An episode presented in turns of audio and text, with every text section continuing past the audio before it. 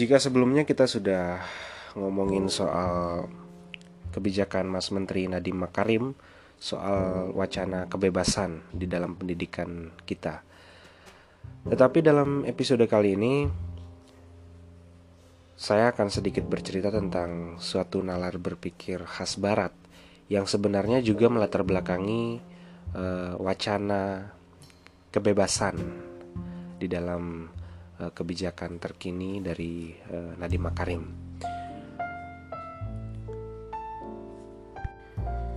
Tentu yang khas dari uh, dunia barat adalah nalar modernisme. Di mana di sini saya memposisikan modernisme sebagai nalar karena pada akhir abad ke-19 sampai abad ke-20 modernisme sebagai suatu nalar yang bisa dibilang adalah seragam di dalam uh, peradaban barat telah uh, mengakar kuat di dalam uh, masyarakat barat. Berikut pada aspek-aspek keilmuan yang dihasilkan dari rahim peradaban barat. Maka tidak heran jika para intelektual yang dibesarkan pada kultur intelektual barat seperti Nadiem Makarim dan lain sebagainya terbiasa dengan model penalaran uh, khas dari uh, modernisme ini. Salah satu ciri khas dari nalar modern adalah penyeragaman, di mana akan ada satu nilai yang dipatok sebagai satu hal yang diseragamkan bagi uh, lini kehidupan manusia, seperti contohnya nilai tentang baik dan buruk ataupun tentang suatu konsep masyarakat yang ideal seperti apa, kemudian ekonomi yang ideal seperti apa, dan e, sistem perpolitikan yang ideal itu seperti apa, maupun kondisi masyarakat yang ideal itu seperti apa. Pada episode kali ini, saya akan sedikit bercerita tentang e, modernisme, di mana modernisme sebagai nalar terlebih dahulu akan kita bicarakan bagaimana uh, pengertiannya kemudian bagaimana signifikansinya di dalam uh, pergulatan pemikiran baik itu dalam konteks barat pada awal abad ke-20 sampai sekarang ataupun pada uh, dampaknya di dalam perkembangan intelektual di Indonesia. Modernisme secara etimologis berasal dari akar kata modern yang muncul dari kata modernus dari bahasa Latin yang artinya adalah sekarang atau kekinian. Kemudian dari asal kata modern itulah banyak istilah-istilah turunannya seperti modernitas, modernis, eh, ataupun dalam bahasa Inggris disebut modernity. Baik itu modernisme ataupun modernitas sebetulnya tidak perlu diperdebatkan tentang pemaknaannya. Namun eh, redaksi dari penggunaan kedua kata itu juga harus ditekankan secara kontekstual. Di mana ketika kita eh, berbicara tentang modernisme, maka di sana modern tersebut berkedudukan sebagai isme atau ism. Di mana ism ini adalah uh, aliran pemikiran, ragam aliran pemikiran, sehingga dalam konteks isme ataupun aliran pemikiran, modernisme bermakna cara memandang situasi kekinian. Sederhana seperti itu. Kemudian modernitas adalah merujuk kepada realitas kekinian itu sendiri, bukan kepada uh, modern sebagai sebuah isme. Ketika kita mengungkapkan suatu pernyataan terkait uh, modern, seperti contohnya ini adalah era modern di mana hal-hal tertentu dianggap sebagai satu hal yang usang dan cenderung untuk ditinggalkan. Nah, di situ terlihat bahwa ada dikotomi yang jelas antara saat ini dan masa lampau. Di mana masing-masing uh, pembagian atau dikotomi sejarah babak waktu tersebut memiliki kualitas yang juga dibedakan oleh kaum modernis. Sehingga bisa secara singkat modernisme itu dapat dibenturkan dengan tradisionalisme. Ketegangan antara modernisme dan tradisionalisme memang tidak bisa kita pungkiri karena mereka berdiri di atas pondasi uh, yang sangat berbeda di mana mainstream pemikiran modern itu berdiri di atas pondasi materialisme di mana uh, realitas dipahami uh, sebatas sebagai sebuah materi. Kemudian uh, pembahasan tentang modernisme juga akan mengaitkan kita pada Eh, suatu kondisi keterpecahan realitas dunia dan manusia. Mengapa bisa demikian? Karena seorang tokoh sekaligus filsuf yang sangat terkenal, yakni René Descartes, adalah digadang-gadang sebagai bapak modernisme itu, atau bapak filsafat modern. Sebelum mengulas tentang bagaimana kontribusi pemikiran Descartes terhadap uh, aliran modernisme ini, Perlu diketahui juga bahwa istilah kemodernan ataupun eh, geliat-geliat modernisme itu pertama kali muncul pada kultur Kristiani Barat. Itu diperkirakan oleh para ahli bahwa itu terjadi sekitar akhir abad ke-19 yaitu dipakai untuk menamai gerakan teolog Katolik yang menggulirkan pemikiran kritis dan skeptis terhadap dogma tradisional Kristen. Nah, mereka yang bergerak pada uh, gerakan tersebut terpengaruh oleh semangat pembaruan pemikiran yang bergulir sejak masa Renaissance dan Aufklärung. Nah, di mana kelompok-kelompok tersebut berusaha menawarkan suatu kritisisme biblis yang radikal, jadi mereka berusaha untuk mereinterpretasikan atau menyoal kembali interpretasi eh, teolog-teolog klasik terhadap Bible secara radikal serta lebih menekankan aspek etis daripada iman ataupun uh, sederhananya mereka lebih menekankan aspek etis dari iman ketimbang aspek teologisnya. Jadi di mana penekanan pada aspek etis itu mendahului penekanan teologi yang bersifat dogmatis. Dengan kata lain, mereka berusaha untuk mengintegrasikan pemikiran Kristen dengan pemikiran abad pencerahan yang sangat reformis. Nah, jadi mereka yang uh, tergabung dalam gerakan itu melihat bahwa uh, masa yang disebut sebagai masa kegelapan itu penuh dengan uh, problematika yang perlu diberikan gebrakan baru berupa pembaruan.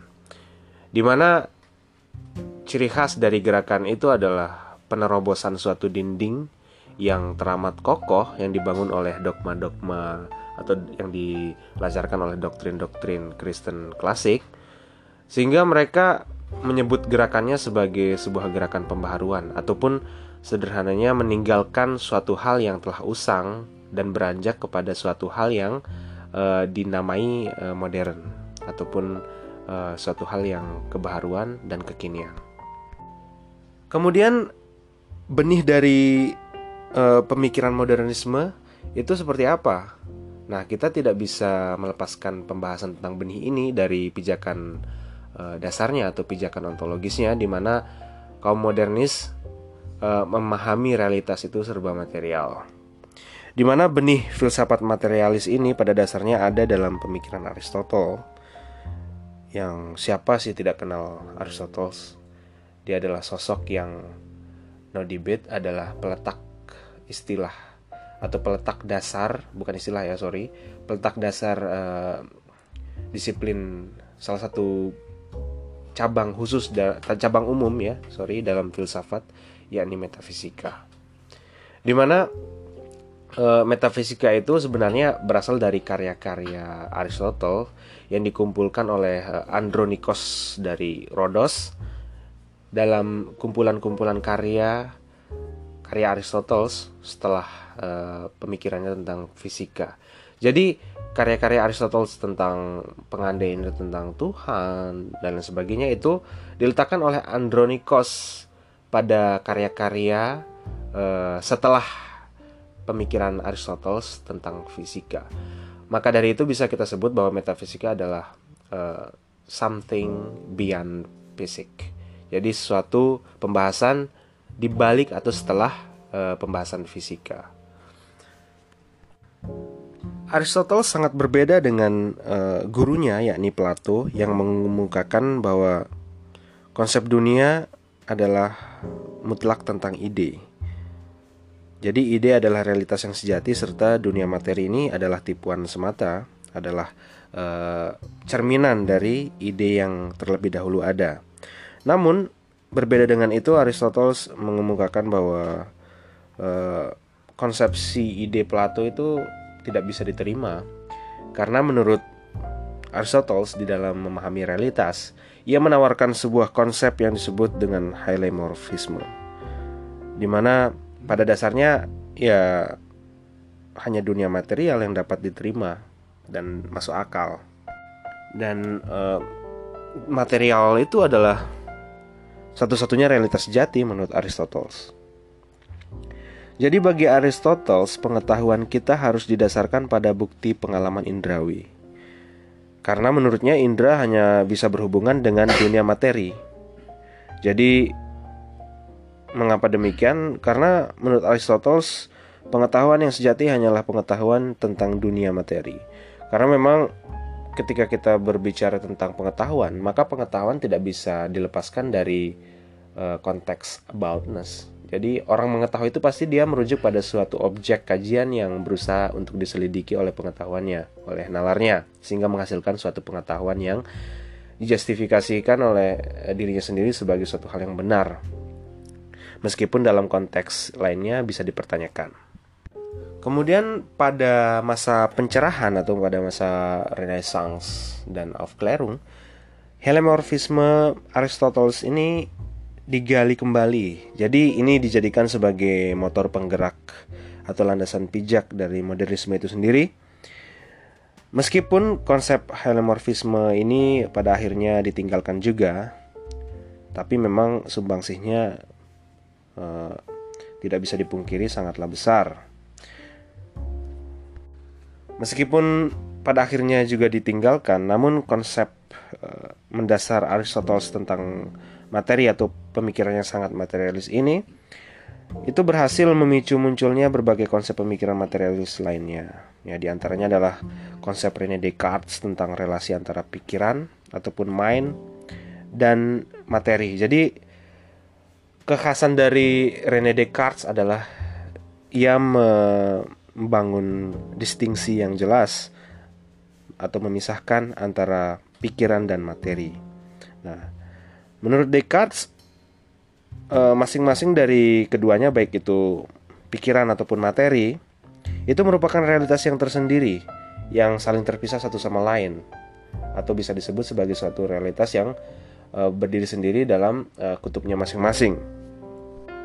Dalam istilah teknis Descartes ia menyebut bahwa pikiran itu sebagai res cogitans yakni uh, subjek yang berpikir ataupun pemikiran itu sendiri. Sementara materi ya sebut sebagai dengan istilah uh, res extensa, yaitu realitas di luar yang uh, diamati. Nah, jadi kemudian puncak dari serangkaian uh, proses epistemologis René Descartes itu adalah cogito ergo sum. Aku berpikir maka itu aku ada.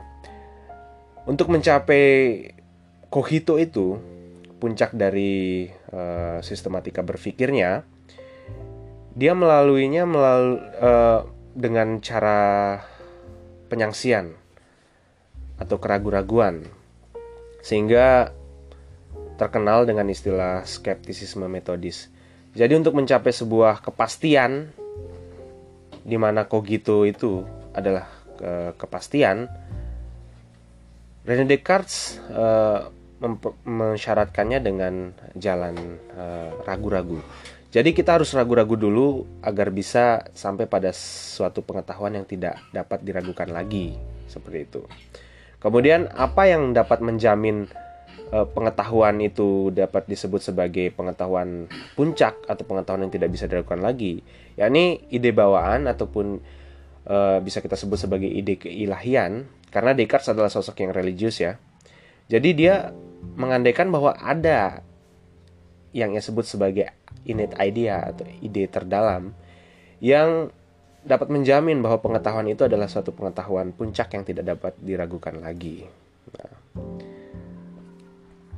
mungkin untuk sederhananya bisa kita pahami dalam uh, analogi mimpi, di mana Descartes suatu saat uh, sedang duduk santai menikmati sore yang indah, kemudian ia seketika merasa bahwa dan meragukan bahwa jangan-jangan ia sedang duduk itu adalah tidak nyata dan itu adalah berada dalam mimpi.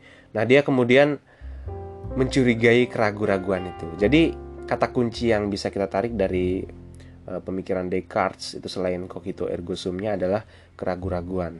Di mana ia sangat care terhadap keraguan-raguan. Karena memang menurutnya keraguan-raguan itu adalah inti dari pencarian manusia tentang uh, hakikat pengetahuan. Nah, dari keraguan-raguannya terhadap uh, pengalamannya saat duduk santai itu, itu kemudian membuatnya uh, berkesimpulan bahwa hanya matematika yang tidak bisa diragukan.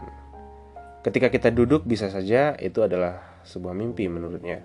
Namun ketika kita berbicara tentang matematika, contohnya satu ditambah satu atau dua ditambah dua itu yang akhirnya di, yang uh, hasilnya di mana satu tambah satu adalah dua dan dua ditambah dua adalah empat itu adalah hal yang tidak bisa diragukan lagi baik di, di dalam mimpi maupun di dunia nyata. Nah, menurut Descartes, jangan-jangan ada yang mengatur uh, suatu kepastian itu. Selain kita berbicara tentang innate idea tadi, yaitu apa yang ia sebut sebagai uh, maling geni itu dalam bahasa Prancis. Maling geni adalah sosok raksasa yang menakutkan yang sangat besar yang memanipulasi atau membuat pikiran kita tunduk bahwa satu tambah satu adalah sama dengan dua dan dua tambah dua sama dengan empat. Nah begitulah sederhananya uh, singkatnya ya tentang bagaimana uh, cogito ergo sumnya Descartes. Pada akhirnya memang ya pemisahan antara pikiran dan materi yang menjadi buah pemikiran paling penting dari Rene Descartes di mana penekanannya pada superioritas rasio atas segala sesuatu ya. Jadi rasio di sini didewakan oleh Descartes. Itu menjadi dasar atau pijakan fundamen bagi perkembangan filsafat modern ataupun pemikiran modern lainnya. Beberapa karakteristik dari kemodernan itu muncul dari konsep-konsep Descartes ini seperti rasionalisme, individualisme, subjektivisme, kebenaran objektif dan lain sebagainya. Jadi tentang subjektivisme memang eh, pengetahuan dalam pengandaian Descartes itu sangat terisolir di dalam kepala subjek. Sehingga ini juga yang uh, oleh banyak pihak ya, mungkin oleh saya sendiri bisa diamini, bisa disetujui ataupun tidak, bahwa bertitik tolak dari keterpisahan antara materi dan uh, pikiran yang dicetuskan oleh René Descartes. Di situlah subjektivisme dan individualisme itu mencuat, di mana manusia bisa seenak jidat mengontrol uh, alam sekitar karena ada suatu keterpisahan antara pikiran rasio manusia dengan materi itu. Selain konsep-konsep uh, tentang subjektivisme, kebenaran objektif, dan lain-lain tadi, itu juga materialisme yang tidak kalah pentingnya, dan juga terutama rasionalisme Descartes itu mulai diadopsi oleh kaum modernis ke dalam sains. René Descartes adalah seorang filsuf tetapi juga ia adalah seorang ahli matematika sehingga kaum saintifis juga uh, sangat akrab dengan pemikiran René Descartes ini. Dalam konteks keilmuan memang Descartes sebagai seorang matematikawan itu me mengamini bahwa matematika adalah jalan untuk mencapai sebuah kepastian. Mungkin kalau kita flashback ke era Yunani kuno, ada sosok Pitagoras yang juga sangat e, menaruh perhatian besar terhadap matematika. Dan bahkan oleh Pitagoras dijadikan sebagai sebuah tarekat, sebuah kredo-kredo untuk mencapai sebuah kebenaran yang tidak tersangsikan lagi. Dan pada akhirnya signifikansi dari buah pikirnya dari Descartes yang memisahkan antara pikiran dan materi bisa kita lihat pada keterasingan kaum modernis terhadap apa yang disebut dengan istilah metafisika. Bahwa metafisika dianggap sebagai suatu disiplin keilmuan yang nonsens dan mungkin juga tidak layak disebut sebagai ilmu. Nah, hal ini tentu bertentangan dengan kaum tradisionalis yang merupakan bagian dari perennialisme di mana hal-hal yang bersifat metafisik itu adalah inti dari filsafat. Nah, meskipun kaum modernis sangat mengadopsi heliomorfisme, namun ada sis, ada satu aspek di dalam pemikiran Aristotle yang mereka tinggalkan yakni metafisika itu sendiri. Bahwa kaum modern kemudian bisa kita lihat pada uh, turunan-turunannya yang sangat mendikotomikan antara agama dan kehidupan misalnya itu adalah lahir dari rahim modernisme. Nah, kemudian keberatan-keberatan lainnya memang sangat menarik jika kita lihat dari kacamata perennialis karena memang modernisme ini menjadi biang keladi uh, keterpisahan masyarakat dengan apa yang disebut sebagai yang kudus atau yang ilahi itu sehingga memang uh, corak uh, segala sesuatunya itu sangat uh, human centris ataupun manusia sentris di mana manusia menjadi tolak ukur dari uh, peradaban itu sendiri.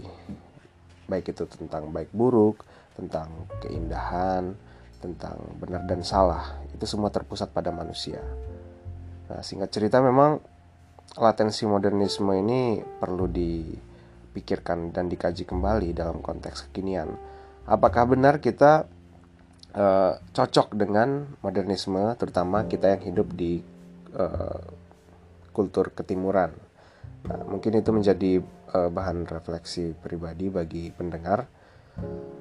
Dan singkatnya uh, saya akhiri dulu episode singkat ini ya mungkin banyak sekali celah-celah yang bisa dikritisi dan dilengkapi dari penyampaian saya yang banyak kurangnya ini. Terima kasih.